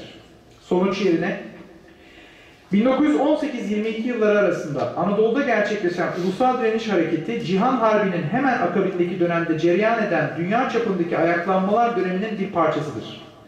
Bu dönem dünyanın birçok yerinde hem yeni ve adil bir dünya düzeni için duyulan umutların patladığı hem de yenilmiş ülkelerin ikinci barış anlaşmalarını kabul etmeye zorlandığı ironik bir dönemdi.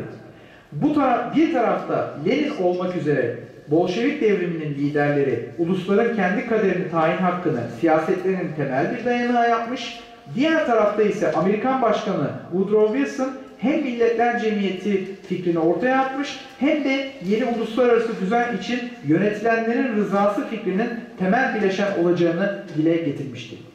Bu makalenin temel amacı savaş sonrası Anadolu'sundaki ulusal direniş hareketinin yerini önde gelenlerin demeçlerine bakarak tahvil etmek olmuştur.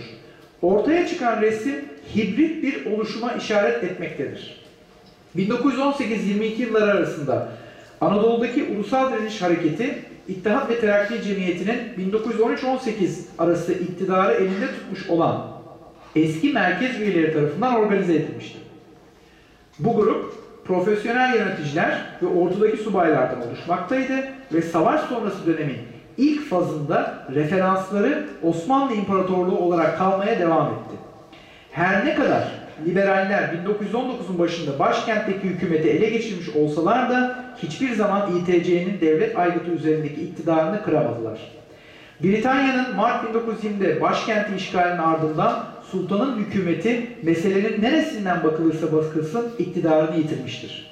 İddiaçılar Anadolu'da imparatorluktan geriye kalan bakiye her neyse onun bağımsızlığı ve birliği için mücadele etmiş, sultan ve halifeye olan sadakatlerini dile getirmişlerdir. Bu hareket Serv Anlaşması'nı reddetmiş ve onu geçersiz kılmak için silahlı mücadeleye girişmiştir. Bu yönüyle bu direniş hareketini Cihan Harbi sonrası anlaşmaları geçersiz kılmayı hedefleyen ilk direniş hareketi olarak yorumlamak mümkündür.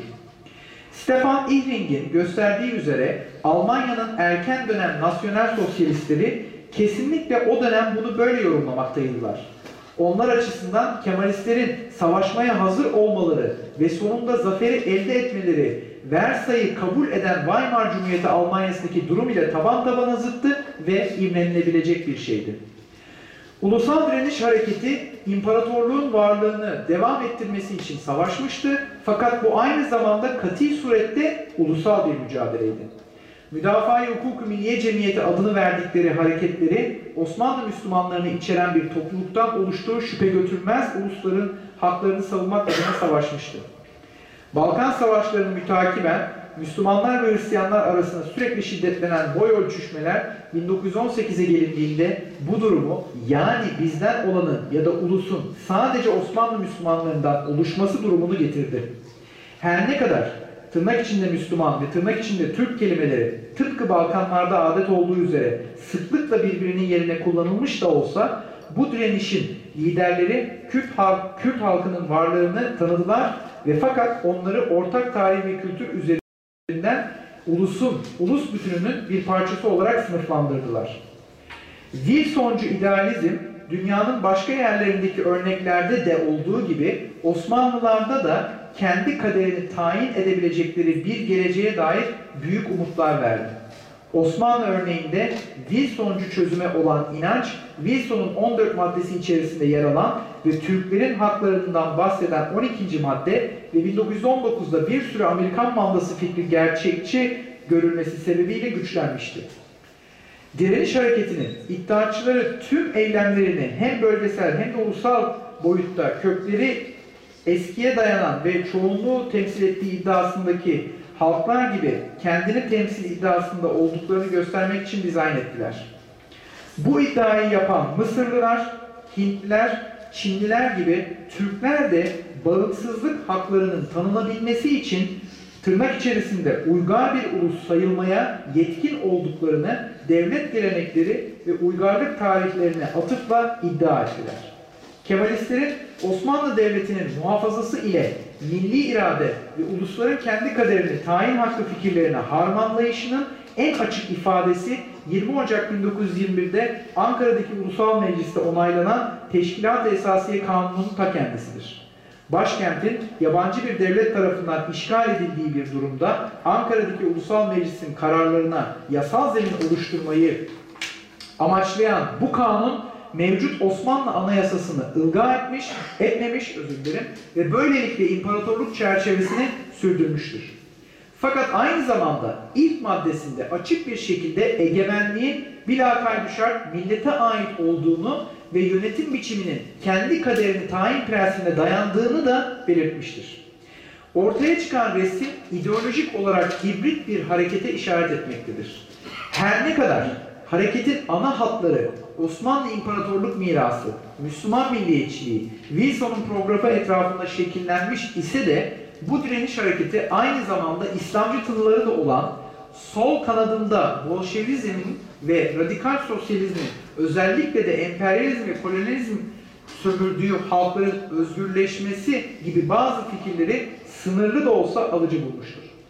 Aslında bu ulusal mücadelenin daha geniş halk kitlelerinin emperyalizme karşı mücadelesinin bir parçası olduğu fikrini tek taşıyan sol kanat değildi. Ulusal direniş hareketinde bu bakış yaygın bir şekilde paylaşılıyordu. Direnişin destekçileri açısından Osmanlı İmparatorluğu'nun varlığını sürdürmek istemekle bu fikirler arasında bir tezat yoktu. Çünkü hayatta kalmasını istedikleri emperyalist bir devlet değil, onlara göre Osmanlı Müslümanlarının ulusal devletinin ta kendisiydi. Makale bitmiştir. Ee, yorucu, monoton bir konuşma olduğu için kusura bakmayın.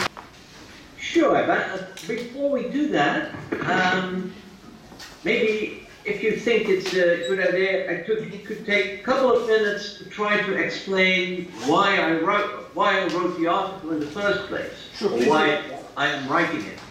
E, hocam, you should take some breaks in between your sentences so I translate them into Turkish. Okay. Konuşmaya başlamadan önce, yani soru cevaba başlamadan önce bu makaleyi neden yazdığımla ilgili bir iki şey söylemek isterim dedi. Go ahead please. Okay. Um, because you might well ask, uh, why, why yet again an article about milli mücadele? Pekala yine neden milli mücadele ile ilgili bir yazı yazdığımı sorabilirsiniz. Çünkü kendisinin geçmişte de bu konuda yazıları vardı. Uh, my idea is that um, Ee, benim fikrime göre, you can have longer sentences. Okay, uh, my basic idea is that it's useful to try and place the Mücadele in the great movement of its time. Ee, bana göre milli mücadeleyi kendi dönemi içerisindeki diğer hareketlerin konteksin içine oturtmak önemlidir. Because we tend to see it very much as an isolated pheno- phenomenon, a onu e, onu diğer e, olaylardan izole bir olgu olarak görüyoruz ama böyle değil. And that is because we uh, have been brought up to, to see it as part the, of the history of the Turkish Revolution, and the rent the or in İnkılap tarihi kapsamında bunu Türk devriminin bir parçası olarak e, gördüğümüz için yazıda da Cumhuriyet'in kuruluşunun tarih öncesi olarak adlandırmıştı. O yüzden bunu izole görüyoruz. But if we try to isolate the immediate post-war era, say 1918, 1922, rather than connect it with Republican history, we can ask the question where it fits um, the context of the time. Ama 1918-22 arası dönemi e, sadece bu Cumhuriyet tarihi içerisinde kendi konteksiyle e, ilişkilendirirsek başka sorular sorma imkanımız oluyor. And then, then we have to look at the great movements of the immediate post-war era, and those are uh, the- uh, those are basically the Wilsonian uh, Wils- Wilsonian moment, as Erez Manera has called it, um, the effects of the Russian Revolution, and thirdly, uh, the, the start of movements which try to undo the result of World War One. E, bu geniş bakış açısıyla bakarsak Birinci Dünya Savaşı'nın sonuçlarını sonuçlarını reddetmeyi amaçlayan hareketler Rus devrimi ve Wilsoncu an olarak adlandırılan literatürde bir dönem var Birinci Dünya Savaşı'ndan sonra. O dönemin çerçevesi içerisinde görebiliriz aslında sadece Türk tarihi yazıcılığının sınırından bakmazsak. Right. So that, that is basic, uh, the basic reason for writing the article. And so that the question, when we look at the Mini Mujadala, where can we place it in the context of the great post-World War One international movements? Yani temel amacı Birinci Dünya Savaşı sonrası büyük hareketler içerisinde milli mücadeleyi nereye koyabiliriz? Diğer örneklere baktığımızda o soruyu cevaplamak. Okay, so that, that's that's what I had said. That's that's uh, the reason behind the, the writing of the of the text. Okay. Thank you very much. Here is one question. I'll uh, read it in Turkish. Kurtuluş Savaşı'nı yürüten kadro ile İttihat ve Terakki Cemiyeti arasındaki organik bağı gösteren somut bir araştırma var mıdır? Örneğin birinci mecliste kaç ittihatçı e, vardır ve gruplara göre dağılımları nedir? Veya Kurtuluş Ordusu'nda kaç tane üst düzey İttihat ve Terakki'li subay vardır? Erik Hoca'nın kitabı var ya. Evet. Uh, yes, there is. In fact, I've done it myself. yani evet adamın kitabını sormuşsunuz. İttihat, e, 200 bin. E, hocamızın e, Türkçe'ye çevrilen Milli Mücadele İttihatçı kitabı tamamen bunun üzerinedir. Doktora tezi. Onu önermek gerekir. Buyurun. Uh, I, I started with that back in the 1980s uh, when I tried to try to focus on that, and I've taken up the, the theme again. Uh, you know, in the, in the last decade, um, in the 2000s, uh, looking again at this continuity, this this um, uh, part of the uh, the, the leadership in in the Mikmul Padilla, looking at continuity. Uh, okay, I'll try to translate this. But, but sorry, but um, uh, what I should add is that um, I've only done that for the top leadership.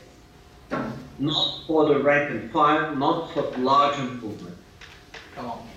Ee, ben bunu daha önce çalışmıştım diye bahsettiğim mesele kendi doktor tezi ve bundan türetilen e, akademik eserler belki biliyorsunuzdur. Bu konuyu yalnız son 10 yıllık dönemde tekrar e, incelemeye başladım. Ve özellikle e, iddiaçıların üst düzey, e, orduda üst düzey görev almış ya da devlet bürokrasisinde üst düzey görev almış örnekleri üzerine çalışmalar yaptım. Fakat bu konuda bürokrasinin alt basamaklarına ya da ordunun alt basamaklarına giden bir çalışma yapmadım şeklinde bir cevap verdim.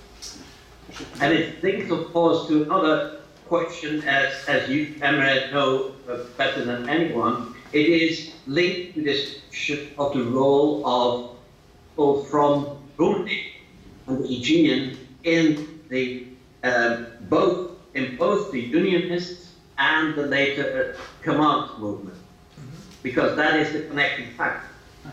Ya bir başka e, bağlayıcı yani bu insanların devamlılığını açıklamakta kullanacağımız bir başka faktör de prosopografik bir çalışmadan bahsediyor aslında. Kişilerin e, kariyerlerinin geliştiği, doğdukları yerlere bakıldığı zaman Batı Anadolu ve Makedonya kökenlerinin hem İttihatçı Hareket içerisinde hem de aynı isimler üzerinden milli mücadelenin erken döneminde bas devam ettiğini görebiliriz dedi. Benim yaptığım, yapmakta olduğum çalışmaya referans verdi orada. Peki bir diğer soru. Ee, Mustafa Kemal'e e, liderlik teklifi yapılmasına İttihatçılar karar verdi dediniz.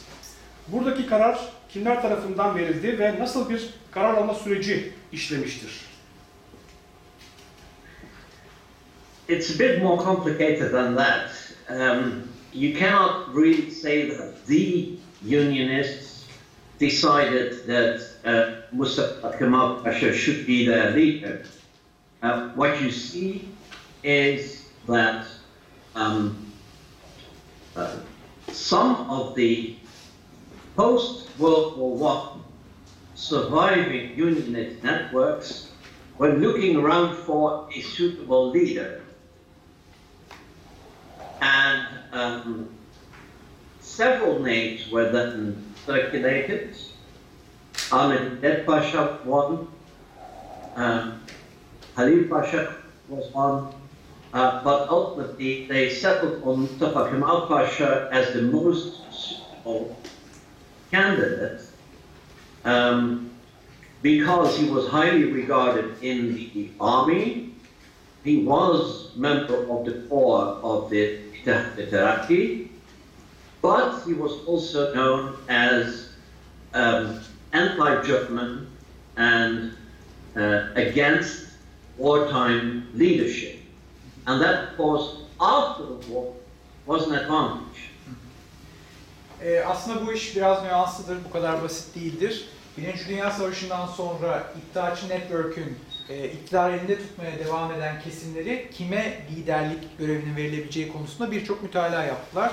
Bir takım isimler zikretti biliyorsunuz. Birden fazla opsiyon vardı. Bunlardan bir tanesi Mustafa Kemal'di ama en kuvvetlisi Mustafa Kemal'di. Bunun temel nedenlerinden bir tanesi Alman karşıtı olması, bir başkası Birinci Dünya Savaşı sırasında ülkeyi yönetmiş olan iktidar, iddiaçı kadrolarla e, zıtlığı, karşıtlığı olmuş olmasıydı. İttihatçılar kime gideceği konusunda karar verdi e, anlamında. Ben de şimdi siz bu soruyu sorunca çevreye bir daha dikkat edeyim diye düşündüm. Kendi diğer çalışmalarında böyle bahsediyor zaten detaylı bir şekilde. I hope I haven't missed anything. Gayet iyi. Ee, bir sonraki soru iki ayaklı bir soru. Bolşevik etkisi Mustafa Kemal'i, Mustafa Kemal'in fikirlerini nasıl değiştirmiştir? Etki eden olaylar nelerdir? İkincisi Mustafa Kemal dönemin fikirlerine, akımlarına karşılık milli mücadele ruh- ruhunu Anadolu'ya nasıl nüfuz ettirmiştir? Zahirdeki, görünüşteki planları ve düşünceleri neler idi? Sorry, I didn't catch the very first part. Bolşevik etkisi Mustafa Kemal'i Mustafa Kemal'in fikirlerini nasıl değiştirmiştir? Buna etken olaylar nelerdir?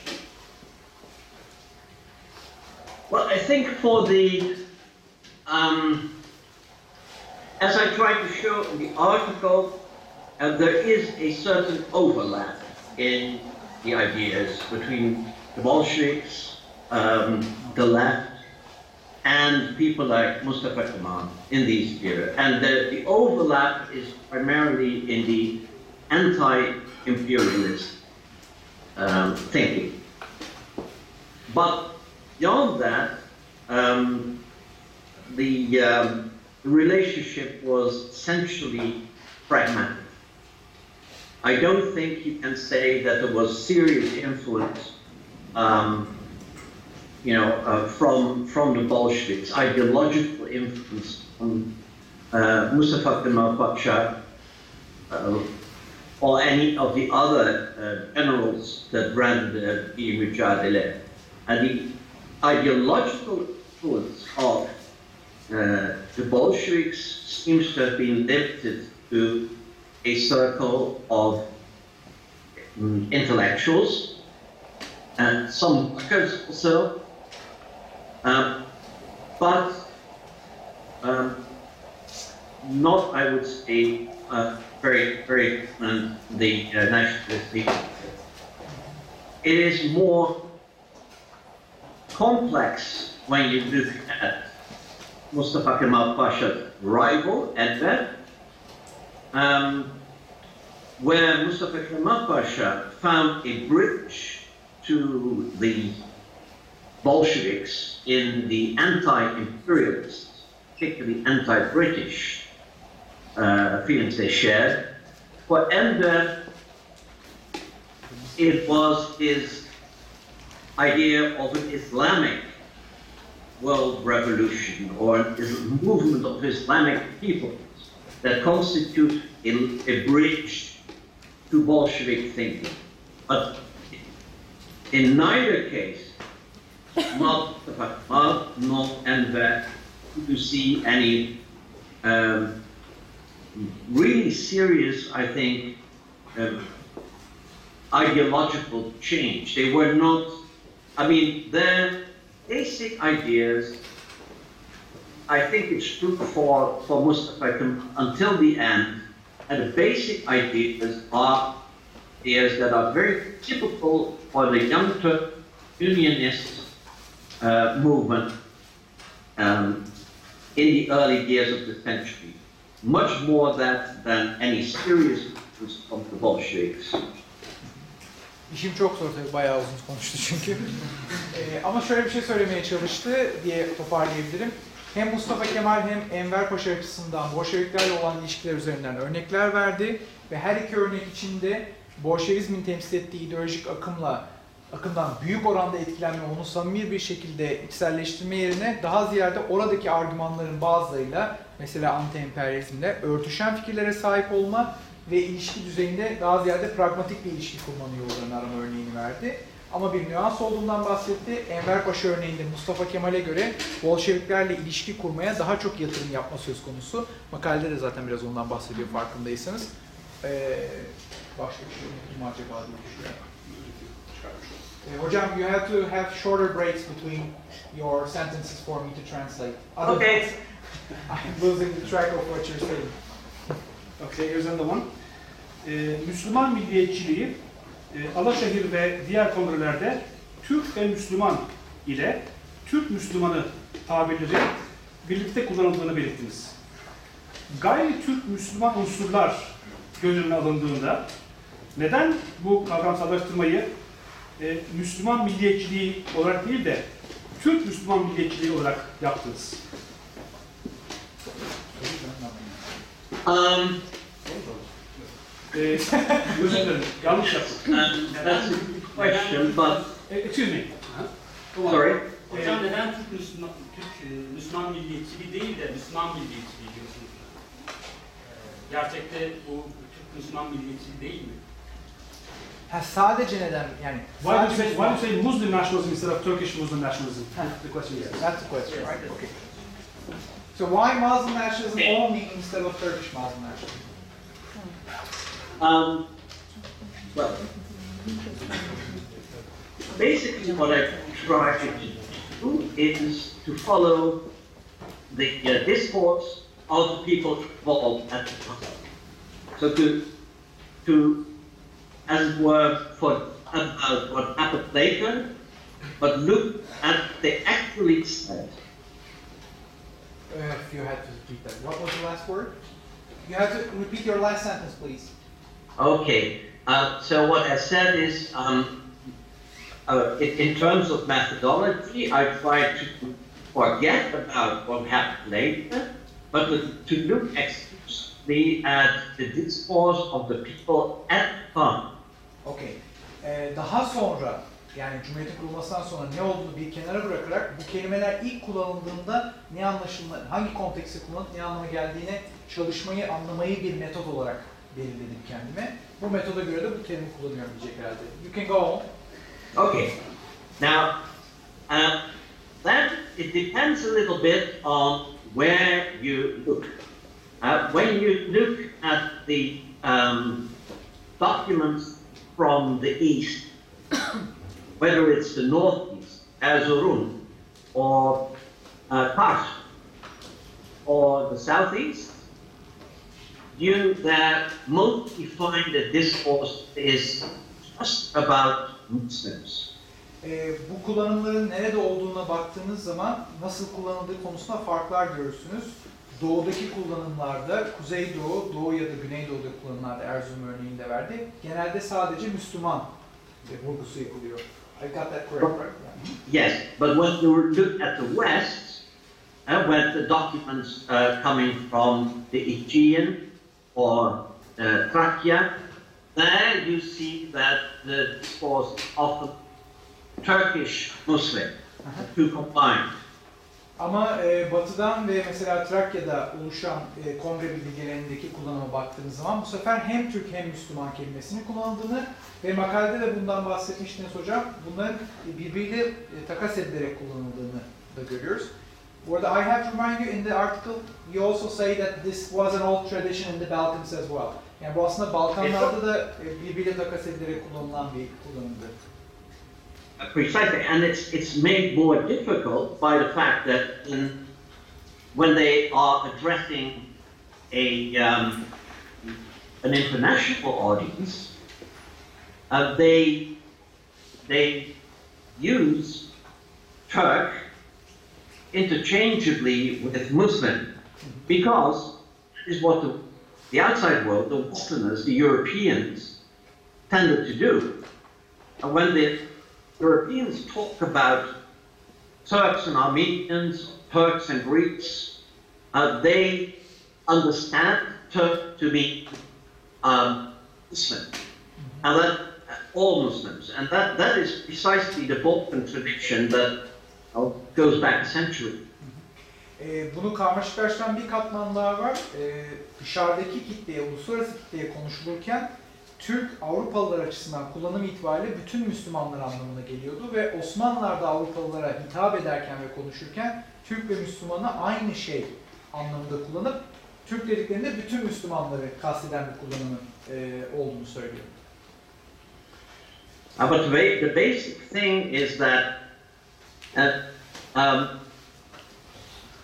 there, there, there is a complication here in the sense that this early uh, national uh, resistance movement fought for the Sultanate and Caliphate, yes, but they already understood the Ottoman Empire to be a state, a national state of Ottoman Muslims. And that's the way they define the in group, the we. Onlara göre her ne kadar halifelik ve saltanat için savaşsalar da Osmanlı artık, Osmanlı İmparatorluğu artık bir ulus devletti, bir Müslümanların bir ulus devletiydi ve biz yani iç grubu oluşturan referans noktası da Müslümanlardı. You see, you see that very clearly, for instance, in the in the statements of the Sivas Congress of September 1919, uh, where in the speech um, by Mustafa Kemal Pasha, but also by others, they say things like, um,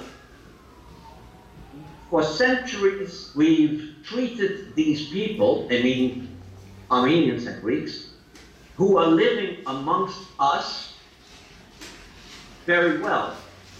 In other words, there is us, there is a we, and there are those people who live among us. And then is the dividing line, um, of course, a result of the Second War and of the First World War. Ee, mesela Sivas Kongresi'ndeki hitabetlerde, e, oradaki bildirgelerde e, uzun sürelerdir bizle beraber yaşayan Ermeni ve Rumlar gibi ifadelerden bahsedildiğini görüyorsunuz. Burada biz deniyor, bir de Ermeni ve Rumlar deniyor. Geçmiş tarihi de kapsayarak söyleniyor bu. Yani o günden geçmişe bakıldığında Osmanlı e, direniş hareketi açısından e, biz Müslümanlarken aramızda yaşayanlar Ermeniler Rumlar ve diğerleri olmuş oluyor. Tabi diyor bu tarihin o noktasında anlaşılabilir bir şey. Çünkü Balkan Savaşı oldu, Birinci Dünya Savaşı oldu makalede bahsettiğim gibi. Bu e, o milliyetçi fikirleri yani bizi bizim sınırlarının ne olduğunu değiştirici bir etkisi oldu. Evet, benzer bir soru. Ee, Müslüman milliyetçiliği Kürtleri, Çerkezleri kapsıyor ama Araplara yönelik Birinci Dünya Savaşı'ndan kalma bir nefret de gözüküyor. Müslüman derken Arap dışı bir Anadolu Müslüman milliyetçiliğidir diyebilir miyiz? Yes. Um, En kısa cevap oldu. that is true. Um,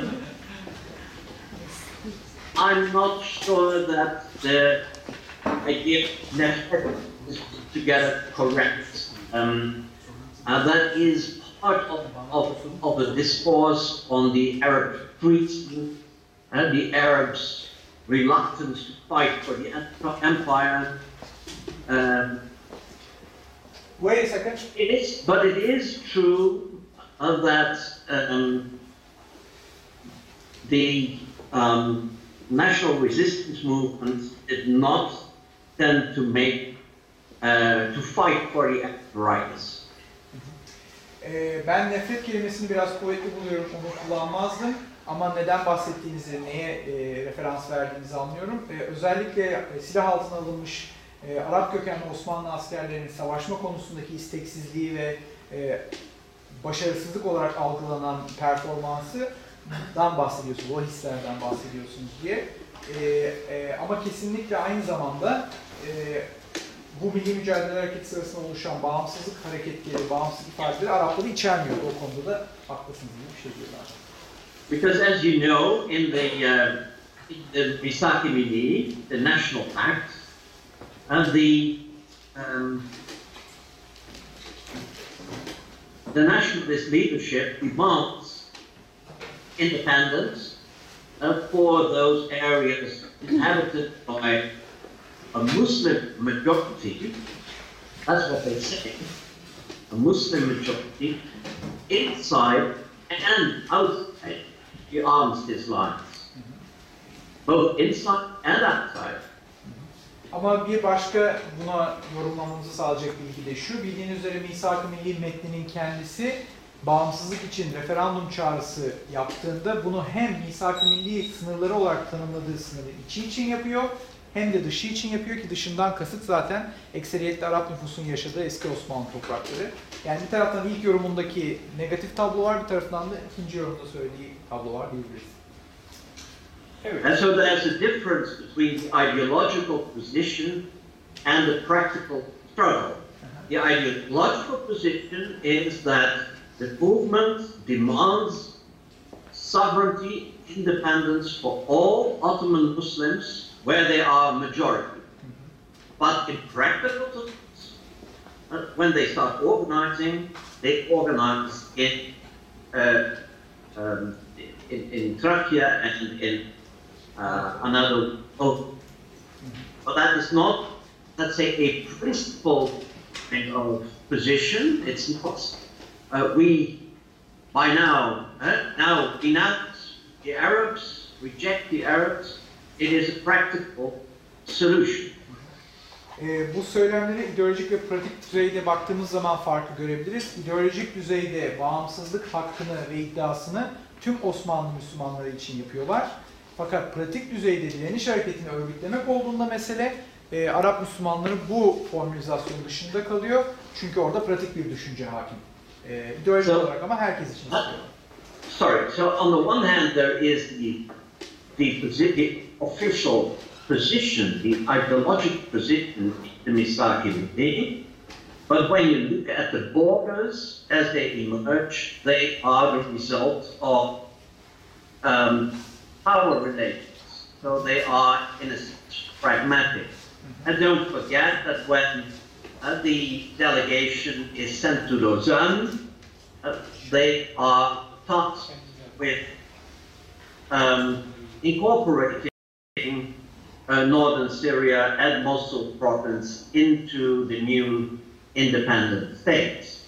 Areas that are partly Kurdish, but also part Arab. Ultimately, of course, that, that's not what happened. That is what the interpretation is of what the Mista Committee means with these offices signed. Evet. Efendim. Valla dağıldım ben de. Ee, şey, misak-ı milli sınırlarının oluşması sonuç itibariyle ideolojik boyutta söylediklerine değil, iktidar ilişkilerine ve pragmatik olana e, göre sonuçlanıyor. Hatta Lozan'da Türkiye'yi temsil eden e, grubun e, misak-ı millinin gerçekleşmesi sürecinde ortaya attığı Suriye'deki ve Musul'daki iddiaları da e, bu pragmatik ve güç ilişkileri sebebiyle realize olamıyor. Çünkü iddia edilen yerlerde, Müslüman çoğunluk olduğu iddia edilen yerlerde evet Osmanlı Müslüman çoğunluğu var ama etnik olarak Araplar ve Kürtler ağırlıkta olduğu için realize olan misak-ı millinin dışında kalıyor bunlar gibi. Kafamda Right. And that's not only true for the Lausanne borders, it's also true for, for instance, the, uh, the, the border in the Caucasus. And when you look at the Tsar community, it wants a plebiscite for Batum province. Uh, but when the Soviets proved too strong, when the Bolsheviks proved too strong, uh, Batum is left outside the new border. So uh, there's program on the one hand, and there is the realization on the ground in the border on the other hand. And that is, uh, the two do not necessarily match.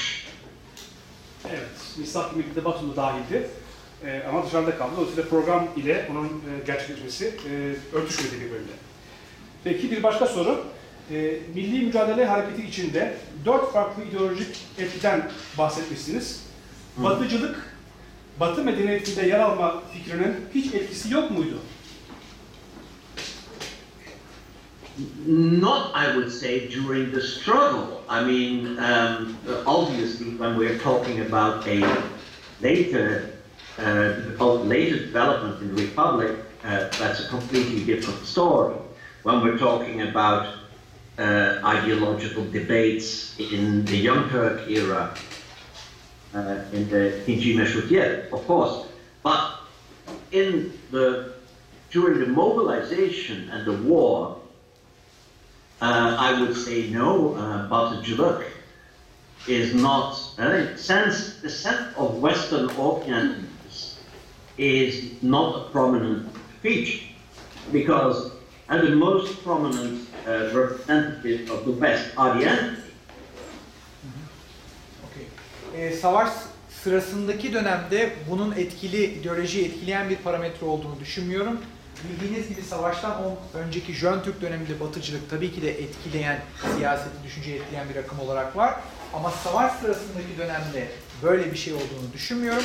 Hatta savaşçının kendisi batı olduğu için bunun zaten e, fizibilitesi de olabileceğini düşünüyorum anlamına gelen bir şey söylüyorum. But, but there's of course one, sorry, there's one um, element that could maybe uh, fall Batıcılık, and that is clay. and that is part of the Wilsonian uh, worldview, and that is the claim that uh, Turkey or the Ottoman Empire um, was a part of the civilized world. That's a very important element in the um, in the political discourse of the day to emphasize that the Ottoman Empire, through its history, culture, was part of the civilized world because only civilized nations had a right to full sovereignty. Ee, belki şöyle bir yorum yapılabilir bu batıcılık meselesiyle ilgili diyor.